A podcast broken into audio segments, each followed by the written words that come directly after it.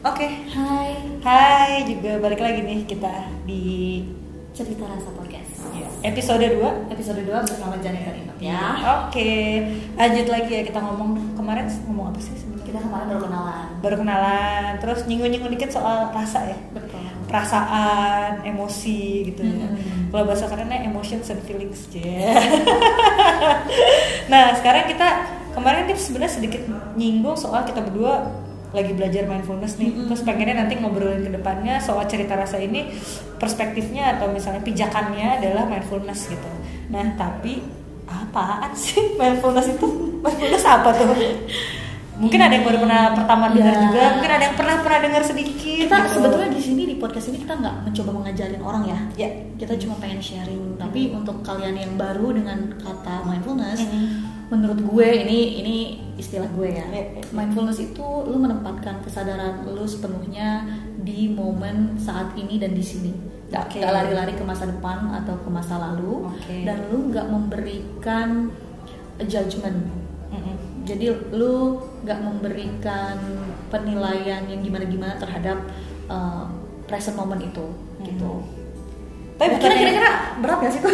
berat ya tapi bukannya enggak ini gue jadi nanya nih Iya. sebenarnya walaupun gue juga ya sedang belajar juga gitu tapi kan bukankah kita sebagai manusia ya sering aja gitu kepikiran kemarin lagi ngapain besok mau ngapain gitu kita kan punya planning dalam hidup Nah, gimana itu tuh? sebenarnya nggak masalah ya. Kan sebetulnya yang gue sadari dari mindfulness adalah pikiran kita itu sebagai tools. Oke. Sih? Hmm. Tapi kita tuh sering dipergunakan, diperalat sama pikiran kita. Bukan kita yang mempergunakan pikiran kita. oh baik Beda gak sih? Hmm.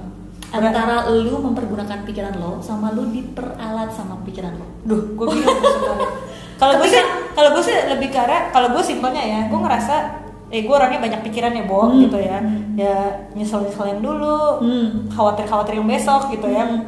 Cuma ya itu gue kadang-kadang kepikiran aja gitu, sering kayak berlarut-larut lah ya Iya. dalam pikiran gue, ah gue kenapa Karena- kemarin gue gini gitu, atau misalnya aduh besok gue bisa ya nggak ya begini gitu. Ya kita udah terlalu terbiasa sih ya menggunakan pikiran kita ya nggak sih Ah, kita ah, nggak ah, pernah ah. menjaga jarak antara diri kita ya dengan pikiran kita. Iya. Kita tuh kayak attach banget sama pikiran kita. Ah. I am my thought.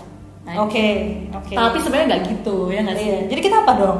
Kok jadi berat? Oh, bicara ini nanti nanti kita bahas ya. Nanti bahas tuh lain lagi ya. selanjutnya. Balik lagi ke simpelnya mindfulness adalah apa nih? Lu hadir sepenuhnya sama apa yang ada di depan mata lo. Oke, lah terus emang kenapa kita harus mindful gitu? Ya karena lu bisa menikmati hidup lo yang ada di depan mata lo yang lagi lo kerjakan saat ini. Sekarang gini deh, Hmm. contoh lah kayak gue, gue sering beli sabun yang wangi-wangi. Oke. Terus tapi ketika gue mandi, Hmm. pikiran gue tuh ada di ruang meeting, Oke. ketemu klien misalkan. Gue Iya, menikmati iya. gak sih sabun yang gue beli? Enggak Enggak kan? juga ya. Lagi mandi malah mikir gini. Nah. Nah, gue banget sih. Gue kalau lagi mandi pikirannya oh, habis ini mau begini, habis ini mau nyuci piring misalnya ya. Makanya. Ah, Terus iya lo juga. enjoy gak sih sabun lo? Enggak kan? Enggak, enggak juga jadi lewat aja ya. Nah, sama tapi- kayak makan juga gitu. ya. Iya. Kadang makan jadinya buru-buru aja gitu. Nah, padahal lo makan makanan mahal mungkin. Iya juga.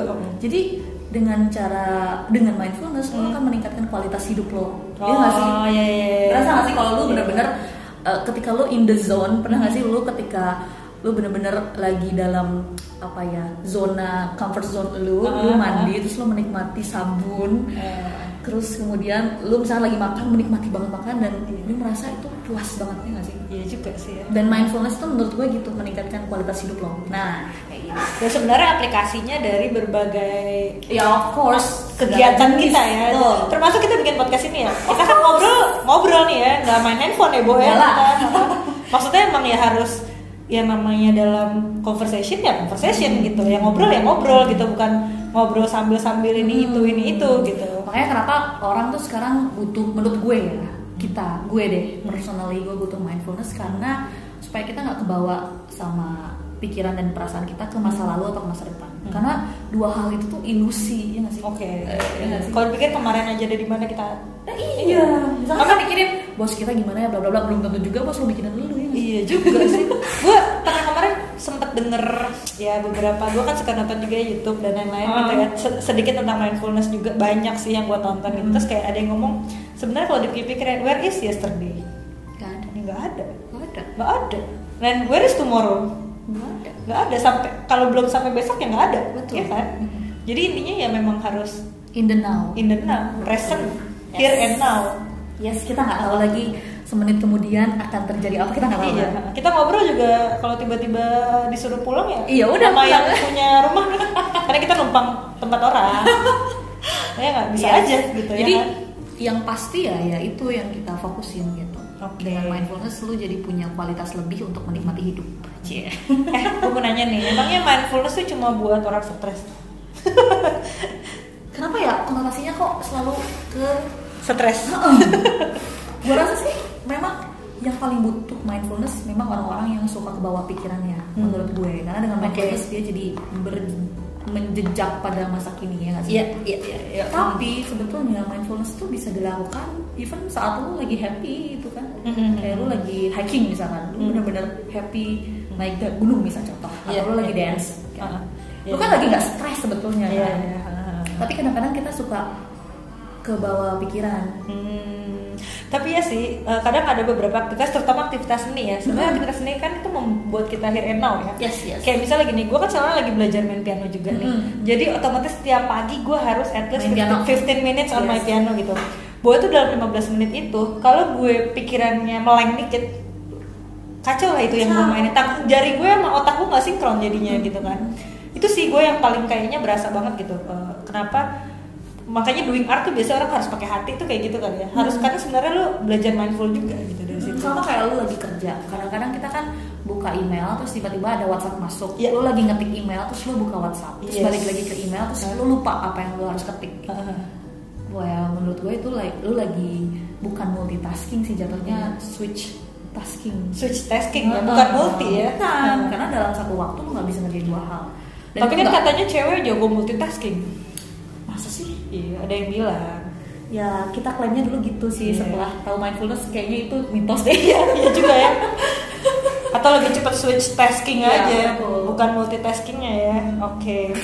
Terus, nah, kenapa sih kita harus ya balik lagi ya manfaatnya apa coba belajar? Ya, Ya, itu kita tadi. pengen punya perspektif mindfulness ini. supaya lo nggak kebawa pokoknya intinya lu bisa punya jarak antara lu sama emosi atau pikiran lo Hmm. lu nggak kebawa sama pikiran lo lu nggak kebawa sama emosi lo Hmm. karena dua hal itu tuh banyak yang bikin nggak validnya ngerti gak sih maksudnya Hmm. kayak Nggak valid tuh. nggak validnya kayak misalkan lu kebawa memori masa lalu itu kan Ah. sebetulnya udah nggak ada. Iya sih. Aduh itu gue sih. Hmm. Itu gue banget. atau kita terlalu eh, terlalu worried urusan masa depan gitu Iya. yang belum jelas Yang belum jelas. Uh, Iya. dan lu menghabiskan waktu ngelamun masa depan yang belum jelas worry tentang masa depan bukan berarti lu nggak boleh planning ya Iya. iya, iya. cuman ketika lu kebawa Hmm. uh, dan lu jadi worry Hmm. lu jadi stres Hmm. ya nggak baik buat kesehatan lu juga kan Iya, iya sih. Oke. dan setahu gue sih banyak riset juga yang bilang bahwa banyak sekarang penyakit-penyakit sekarang ini datangnya dari stres Oh iya bu, itu kayaknya banget banget deh. Iya nggak sih Lo kalau ke dokter juga dibilang jangan stres, pasti bilang kayak gitu deh, ya kan? Iya, kayak gastritis itu kan seringnya karena Apalagi ya, uh, asam lambung stres. gitu-gitu ya. betul Tapi emang kalau misalnya lu belajar mindfulness nih ya, emang bisa bikin kita kalem terus gitu. dengan mindfulness Uh-uh. bisa kalem, Uh-uh. cuman ya nggak selalu kalem, Uh-uh. karena kan ya nggak mungkin ya. Maksudnya kita kan pasti berhadapan dengan masalah, Iya. dengan deadline contoh, Iya. atau dengan orang yang mungkin kita nggak sepaham gitu. Iya. Terus masa kita kayak mau kayak jadi biksu gitu? Iya, Nggak ya makanya masa kita tiba-tiba jadi teng gitu. Hmm, cuman at least dengan mindfulness ini lo jadi punya jarak antara uh, sesuatu yang bikin lo kesel ini dengan dengan respon lo yang tadinya lo impulsif misal ketemu orang yang ngeselin lo langsung maki-maki dia dengan Yeah. mindfulness ini lo jadi punya jarak untuk nggak judgement duluan misalkan Oke. oh mungkin dia cuman lagi punya bad day aja today gitu Oke. oh mungkin uh, dia dikejar-kejar deadline juga so dengan mindfulness ini jadi banyak compassion sama orang lain Hmm, Hmm. Ih, gue suka tuh compassion, Ah. ya. lu belajar untuk menjaga jarak antara emosi lo dengan diri lo Hmm. jadinya lo bisa handle stres lo dengan, dengan lebih baik yang juga baik. Dan mungkin juga cara kita kayak, kayak misalnya lu tadi kan bilang kalau ketemu orang berhadapan sama orang gitu, Hmm. misalnya ada yang nggak cocok di kantor gitu Hmm. misalnya, ya itu kan jadi mungkin bekal kita juga ya buat gimana ngeresponnya Hmm. supaya nggak ikut-ikutan emosional juga gitu. Hmm, dan belum tentu juga dia personal nge-attack lo ya gak sih Iya, iya. kadang kita suka kayak ih tuh orang kok gitu banget sama gue Iya. padahal dia belum tentu kayak gitu belum tentu. Tapi kalau misalnya memang ternyata dia ya rasanya memang attack ke kita, ya so what itu kan oh iya juga. masalah dia masalah sendiri dia ya, bukan masalah kita. Iya, Kenapa kita ribet ya? Iya juga ya. You're thinking too much oh, gitu. gitu. Tapi maksudnya kita bisa tetap produktif nggak sih dengan belajar mindfulness? Jangan-jangan gue jadi kalem banget terus gue jadi males. gitu. Jadi lazy. Jadi lazy gitu gara-gara terlalu kalem. Sebetulnya dengan mindfulness itu justru lebih produktif sih menurut gue karena lu bener-bener pegang power atas mind atau apa ya pikiran lo tuh lu lu yang pegang kontrol nih bukan lu yang dikontrol sama pikiran lo. Ya, ya, Jadinya ya, lu ya. tuh nggak gampang panikan. Oke. Lu bisa ngelis prioritas mana yang harus Ah, ah, ah. duluan, mana yang nanti belakangan, mana Ya. yang bisa didelegate ke orang. Ah. Karena lu punya jarak, maksudnya gini, kayak lu punya momen di mana oke Mhm. ini harus dikerjakan cepat nih. Ya. Jadi lebih produktif sih justru menurut Oh malah bisa bikin lebih bisa bikin lebih produktif. Oke. Dan gua udah membuktikan sih di kantor gua dulu kan Ah. orangnya ya. Hahaha. Terus kemudian abis gue belajar mindfulness dan tahu bahwa oke ternyata gue nggak selalu harus say yes to everything. Hmm. Kan kadang kita suka gitu ya di kantor Ya, ya, ada ya. tambahan kerjaan baru, Iya. ah. lagi ngerjain yang lain terus kita ngerjain yang baru. Hmm. Padahal yang sebelumnya tuh juga prioritas. Iya, gitu. iya, iya. Dengan mindfulness kita jadi kayak punya jarak untuk oke, gue akan ngerjain ini, Mhm. tapi yang ini kan sebelumnya sudah eh kayak gitu loh, jadi kayak ini prioritas. Mhm. Kemudian kecuali kalau yang baru itu lebih urgent ya kita kerjain, Hmm. tapi at least lebih organized dan Mhm. kita tahu lah harus gimana gitu, nggak Mhm. panikan, nggak gampang. Oh ini harus kerjain ini tuh, ya, jadinya nggak dikerjain semua. Iya iya iya benar juga sih. Karena kadang kita seringan paniknya sih daripada kerjanya. Atau misalnya ya kadang ya udah panik aja duluan ke bawah pikiran dan lain-lain akhirnya lu jadi kayak linglung sendiri ya sih bingung Dan sendiri. Kalau lu panik kualitas yang lo keluarkan untuk pekerjaan lo kan juga nggak baik.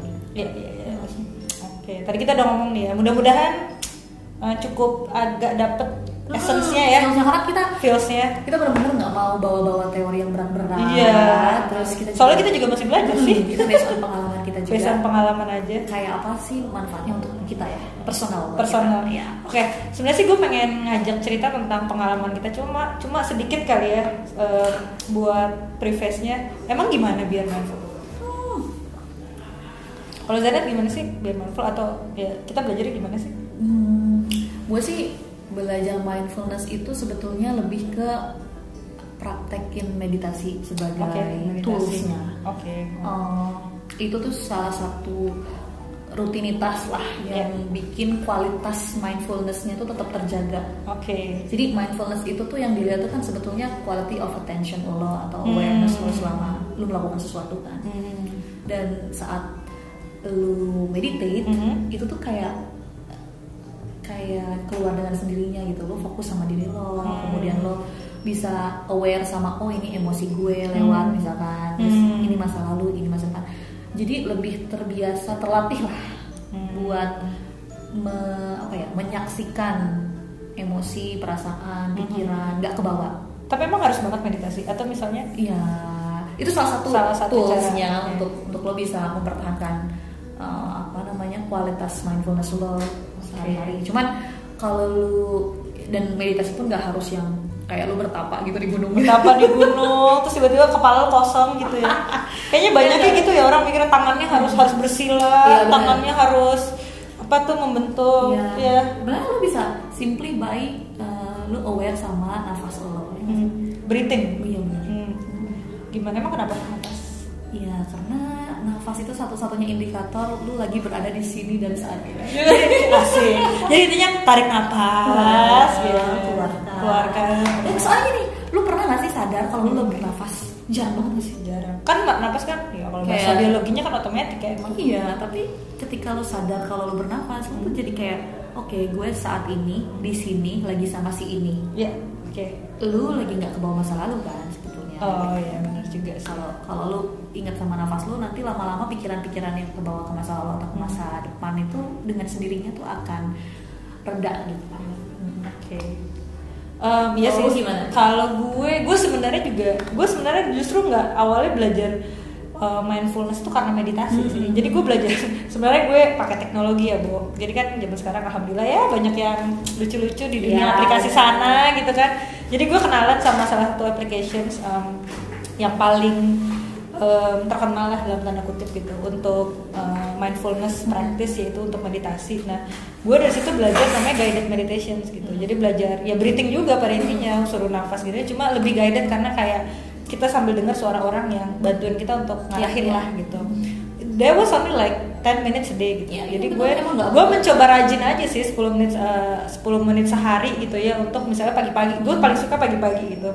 Supaya gue lebih kalem aja dan for the rest of the day gitu biar gue lebih tenang gitu. Dan lama-lama kebiasaan awalnya sih kayaknya gue kayak nge-push diri gue sih. Mm-mm. nge-push diri gue aduh gue pokoknya hari ini harus hari ini harus gitu. Cuma lama-lama ya udah biasa aja gitu. Iya, dan itu jadi habit kan ya? Jadi habit tapi kalaupun misalnya misalnya gue let's say kemarin gue lagi liburan nih gue nggak nggak ya nggak nyentuh nyentuh apps itu atau gimana ya gue mencoba sendiri aja. At Iya, least gue breathing like uh, apa bernapas dengan sadar kan ya. Mm-mm. gue breathing exercise aja itu mungkin salah satu cara yang yang yang yang, yang kalau misalnya lo lagi mungkin di mana-mana atau gimana ya lumayan banget sih gitu. Jadi not necessary lo harus ya meditasi duduk di Iya, pojokan betul. gelap-gelap gitu. Nggak gitu sih kayaknya banyak orang juga yang salah persepsi sama meditasi ya makanya kalau sebenarnya udah banyak sih riset yang membuktikan manfaat meditasi Iya. silahkan Google Uh, silahkan Google banyak banget. jadi eh, kita sih nggak mau terlalu banyak eh, ceritain tapi kita personally merasakan banget manfaatnya Iya. jadi kalau kalian masih yang skeptical it's okay gitu kita kan nggak pernah Iya.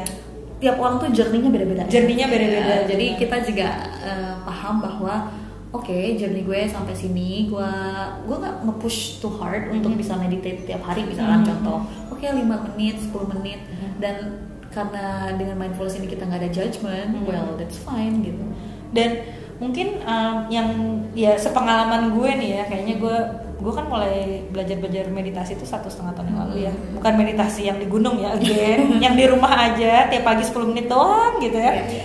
Uh, pokoknya yang paling simple lah. Dan menurut gue itu nggak nggak tahu ya mungkin ada juga orang yang nanya ini te- agama tertentu gak sih Iya, gitu kan itu gue sering dengar juga kayak konotasinya tuh kayak uh, uh, attach sama mungkin religion tertentu gitu tapi nggak juga ya enggak sih Uh-uh. banyak juga kok eh, apa apa ya research ya yang, Uh-uh. yang, yang ngomongin bahwa mindfulness eh meditasi itu juga bagus buat kesehatan lo gitu Iya. kan mengurangi tekanan darah lo Iya. terus lo bisa jadi lebih kalem Iya, iya, terus iya, iya. mengontrol apa namanya peredaran darah dan lain sebagainya banyak sih sebetulnya jadi ya nggak harus ya kita itulah dia nama, namanya judgment ya Iya, Lagi-lagi. again judgment, judgment. Nah. karena kita saking terasosiasi sama identitas tertentu Identitas tertentu. oke orang yang bermeditasi artinya dia agama ini Iya, Iya Padahal nggak juga. padahal nggak juga gitu. juga. Siapa aja bisa. Hmm, hmm. Atau mungkin kalau lo nggak mau bilang meditasi, breathing exercise. Nah, sebenarnya kan tuh sama dengan Sama aja sih. Sama aja. Cuma karena mungkin secara terms bahasanya Iya. tuh meditasi, jadi kadang agak disangkut pautin sama Betul. mungkin uh, agama atau dogma tertentu. Padahal Hmm. belum tentu gitu loh. dan lo bisa melakukan breathing exercise atau meditasi itu sebetulnya kapan pun di mana pun kayak lo Hmm. misalkan contoh lo lagi di mobil terus keadaan lagi macet Hmm. itu kan kadang-kadang lo malah jadi ngutuk keadaan kan Iya. Padahal sebetulnya keadaan itu kayak udah gak bisa lo kontrol Iya. dan lo bisa belajar breathing exercise di situ Ah. atau lagi lo lagi nunggu di airport misalkan atau lo lagi antri Hmm. itu kan lo bisa sebetulnya belajar Sebenarnya itu kesempatan ya. Iya. Daripada lo kesel gitu ya. mending lo itu kesempatan. Sebenarnya latihan. Eh, gue mau nanya deh. Emang idealnya berapa lama sih kayak gitu? kayaknya nggak ada gue nggak pernah menemukan ada gue nggak tahu ya apakah lu pernah menemukan ada Hmm. yang bilang oke sekian menit Iya, iya, iya. kayaknya enggak sih tapi yang penting lu sadar nafas lo setiap saat Hmm. di situ kualitasnya kan bisa kelihatan Iya lah lu bisa dapetin manfaatnya lah gitu. Em, iya sih, gue pernah dengar juga. Kalau gue kan karena gue ngikutin si app itu ya, Hmm. aplikasi itu, dan dia quite em, apa namanya ke ke plan ya. Hmm. Dia tuh eh, in average 10 sampai 12 menit lah. itu sebentar banget deh kayaknya Jadi itu length length yang gue ambil gitu. iya nggak menghabiskan banyak waktu kita kan nggak habis banyak waktu tapi gue pernah dengar juga waktu itu gue uh, dia nonton TED Talks Ya, dan ya, banyak ya. loh di TED Talks tentang mindfulness gitu ya ya ada dia mi- mindfulness practice bukan meditation meditator lah Mm. dia bilang ya gue sih bagi gue kalau dua menit itu dua menit ya dua Hmm. menit lo breathing dengan sadar ya itu udah termasuk meditasi udah termasuk itu udah bilangnya meditasi gitu jadi Wah. iya jadi bukan harus ritual tertentu gitu ya dan gue agak kurang srek kalau Hmm. meditasi itu kita mewajibkan kondisi tertentu misal lu harus Hmm. di atas di atas matras matras terus ya lu harus nyalain lilin Ah. terus suasana harus eh, temaram gitu Eh, eh. kayaknya sih kondisi kayak gitu jarang kita temui ya di kehidupan kita sehari-hari Iya, justru- malah jadi sulit ketika kita mengaplikasikan itu di kehidupan sehari-hari Iya. kita jadi sebetulnya gue sih setuju kalau mindfulness meditation itu bisa dilakukan kapan pun sebetulnya Iya sih. Iya kalau misalnya lo bangun tidur, kalau gue sih paling suka bangun tidur ya, bangun Iya, benar, tidur pagi-pagi. Ya karena gue muslim, gue biasanya habis sholat subuh Mhm. gitu. Ya gue meditasi aja sebentar gitu. Ya. dan lu jadi punya waktu untuk bersyukur ya? Iya. kadang-kadang kita cuma bilang oke gue bersyukur kok tiap hari tiap hari tapi apakah lu pada saat lu bersyukur lu bener-bener hadir di situ bener-bener Hmm. benar-benar bersyukur dengan hati lu Hmm. dengan seluruh jiwa raga lo tapi kalau Hmm. misalkan cuma di mulut doang kan Iya. dengan mindfulness meditations itu lu akan benar-benar sepenuhnya lu merasa oh ini nafas gue ya ternyata selama ini Oh gitu. Tapi maksudnya gue ada satu pertanyaan, oh ya buat bahan obrolan kita juga nih. Tapi wajar gak sih? Misalnya gini, gue kan ya gue juga masih belajar nih. Heeh. Jadi misalnya buat gue 10 menit sehari ya itu udah ya rutinitas gue lah. Hmm. 10 menit sehari pagi-pagi mostly. Terus eh, tapi pas dalam 10 menit itu gue nggak bener-bener fokus, bukan nggak bener fokus ya kayak ya gue tetap aja ada pikiran keluar, ke- pikiran ke mana-mana gitu loh. Jadi gue nggak Ya, itu emang- gimana tuh? nah ini yang sebetulnya eh, again ya Heeh. dalam meditasi itu menurut gue nggak ada Iya. yang salah ada yang benar Oke. Eh, lu jangan judge yourself too much juga untuk. "Oh, ini meditasi gue gagal nih Iya iya iya iya. karena kita kan kayak kayak udah terbiasa untuk nge-push diri kita supaya perfect Iya, supaya iya. padahal sebetulnya pikiran lu tuh nggak bisa lu stop Hmm. Akan tetap ada, Ada, lah. jadi- Jadi, bukannya lo menghilangkan pikiran Iya, dengan iya. meditasi enggak kan? Nah, jadi jangan dikira kalau lu meditasi itu pikiran lu kosong Iya. Iya, soalnya kan kayaknya dulu sih waktu gue belum belajar meditasi ya kayaknya wah gimana? Nyeremin ya? Iya, gimana caranya gue ngosongin Pikiran. pikiran, gue gitu. Emang ada caranya gitu. Hmm. Jadi dengan meditasi itu lu lu aware sama nafas. Hmm. Jadinya pikiran-pikiran yang tadinya ke sana kemari itu jadi Hah? lebih rendah lah. Lebih rendah, sendirinya. oke. Karena uh, Tapi dia tetap ada kan sebenarnya? Tetap ada. Nggak akan Nggak pergi aja gitu. Memang pikiran kita tuh kayak gitu datang dan pergi aja gitu. Uh, dan kita jadi bisa berada di posisi sebagai witness saksi mata dari Mhm. pikiran kita yang lalu lah. Hmm. Nggak kebawa. Kadang-kadang kan kita biasanya kebawa. ke bawah terus jadi mikirnya nambah-nambah nih.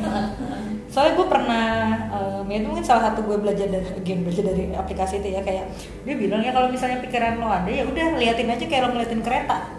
Ntar lewat, lalu lalang nanti lewat aja gitu. Iya. Ya udah biarin aja. Itu kalau lo memang hari itu nggak bisa fokus ya udah biarin aja. Iya betul. Just do it gitu istilahnya. Jadi bilangnya yang penting lo take your time untuk stop. sebenarnya. Yang penting lo nggak terbawa, nggak tenggelam di dalam pikiran lo. Hmm. Gitu. Lo memanfaatkan pikiran lo sebagai tools, bener, Hmm. bener-bener as a tool menurut gue. Jadi ya itu tadi ada jarak antara Hmm. diri lo dengan pikiran. lo. Oke, sekarang gue mau nanya nih ya, kalau lu ya, eh, ini kan kita tadi ngomongnya agak-agak berbau teori mengawang-awang ya.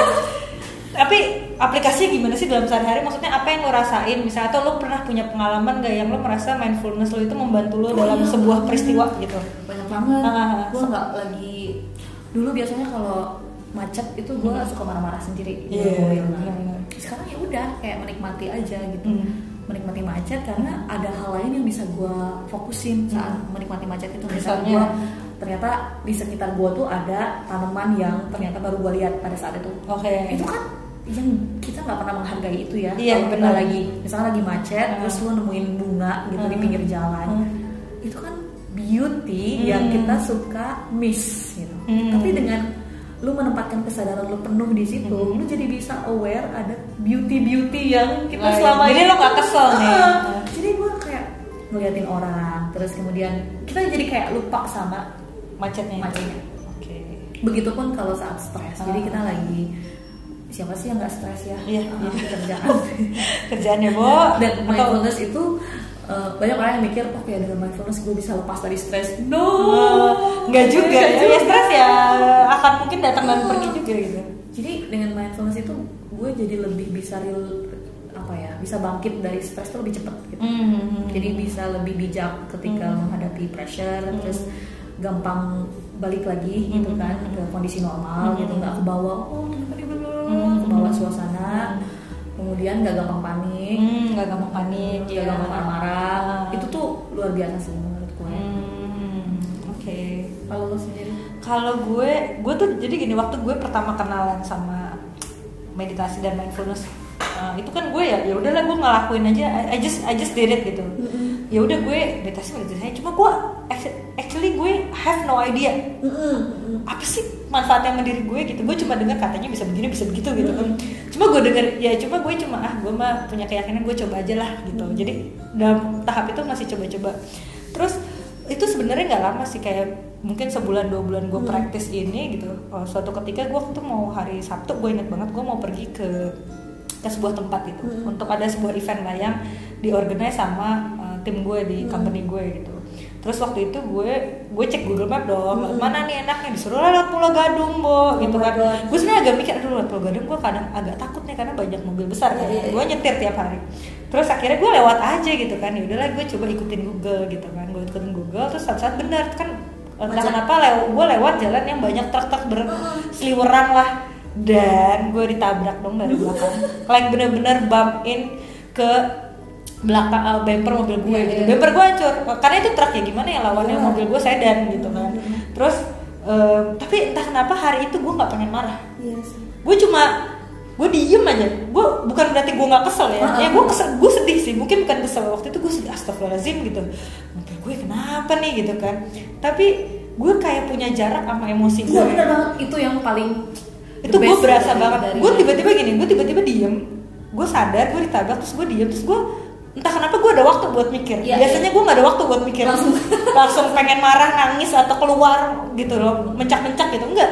Gue tiba-tiba ada waktu buat mikir oke gue mau ngapain ya abis ini ya? Oh bumper gue tabrak nih. Mm-mm. terus gue bisa apa? Gue mau marah-marah. Ya si Ya, abangnya nggak- juga nggak akan berubah keadaan nggak akan berubah keadaan itu bumper tetap bisa kedua. Kalau gue marah-marah sama si abang-abang abangnya gue marah-marah gue capek. Iya. dia juga belum tentu bisa tanggung jawab gitu. Itu nggak yang gue lakukan akhirnya? Apa? ya gue pergi aja.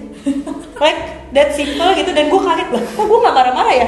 Gue kayak kaget sendiri ngeliat diri gue gitu. Kok gue nggak marah-marah ya? Terus dalam hati udahlah gue telepon ketok ketok magic aja besok bisa nggak udah Iya jadi kita kayak ada. gue legowo aja gitu Iya, benar. padahal in, in normal nih gue mungkin akan kalau gue nggak marah-marah gue akan nangis Iya. gue akan kepikiran berhari-hari gitu tapi enggak tuh Betul banget. Jadi kayaknya kita kayak lebih punya jarak buat bersikap atau memilih sikap Iya, uh-huh. setelah ada kejadian tertentu gitu. Uh. Oh, gue mau ngapain nih kalau Iya. emang kalau misalkan gue reaktif kayak gini nanti efeknya. Kalau Uh-huh. enggak kayak gini efeknya. Jadi kayak lebih ya itu mindful. Maaf, lucu sih padahal gue bukan dalam posisi ketika waktu itu mencari manfaat Iya. istilahnya gue biasa-biasa aja gue meditasi meditasi aja tiap pagi Hmm. gitu ya terus kayak gue nggak mikirin oh ntar pokoknya gue bisa begini enggak juga sih ya gue cuma ngejalanin aja gitu eh tapi bener kok itu gue aja kaget dan gue hari itu mau ketawa gue ketawa "Loh, kok gue bisa ya nggak emosian ya gue pikir gue bakal emosian gitu Tapi lo berubah jadi orang yang lebih baik dong ya. Iya, alhamdulillah. Mudah-mudahan gitu ya, mudah-mudahan. Gue sih rasanya sih seperti itu dan walaupun tetap nggak bisa setiap saat gue sekalem itu ya. Cuma at least gue sedikit ada rem lah Iya betul. dalam dalam menghadapi hari-hari gue gitu. Ada remnya, nggak kayak dulu. Dan kalau itu bermanfaat buat kita Hmm. as a personal, Uh-uh. gue yakin ini juga bakal bermanfaat buat kalian semua Iya. yang lagi dengerin podcast ini. Jadi Yes.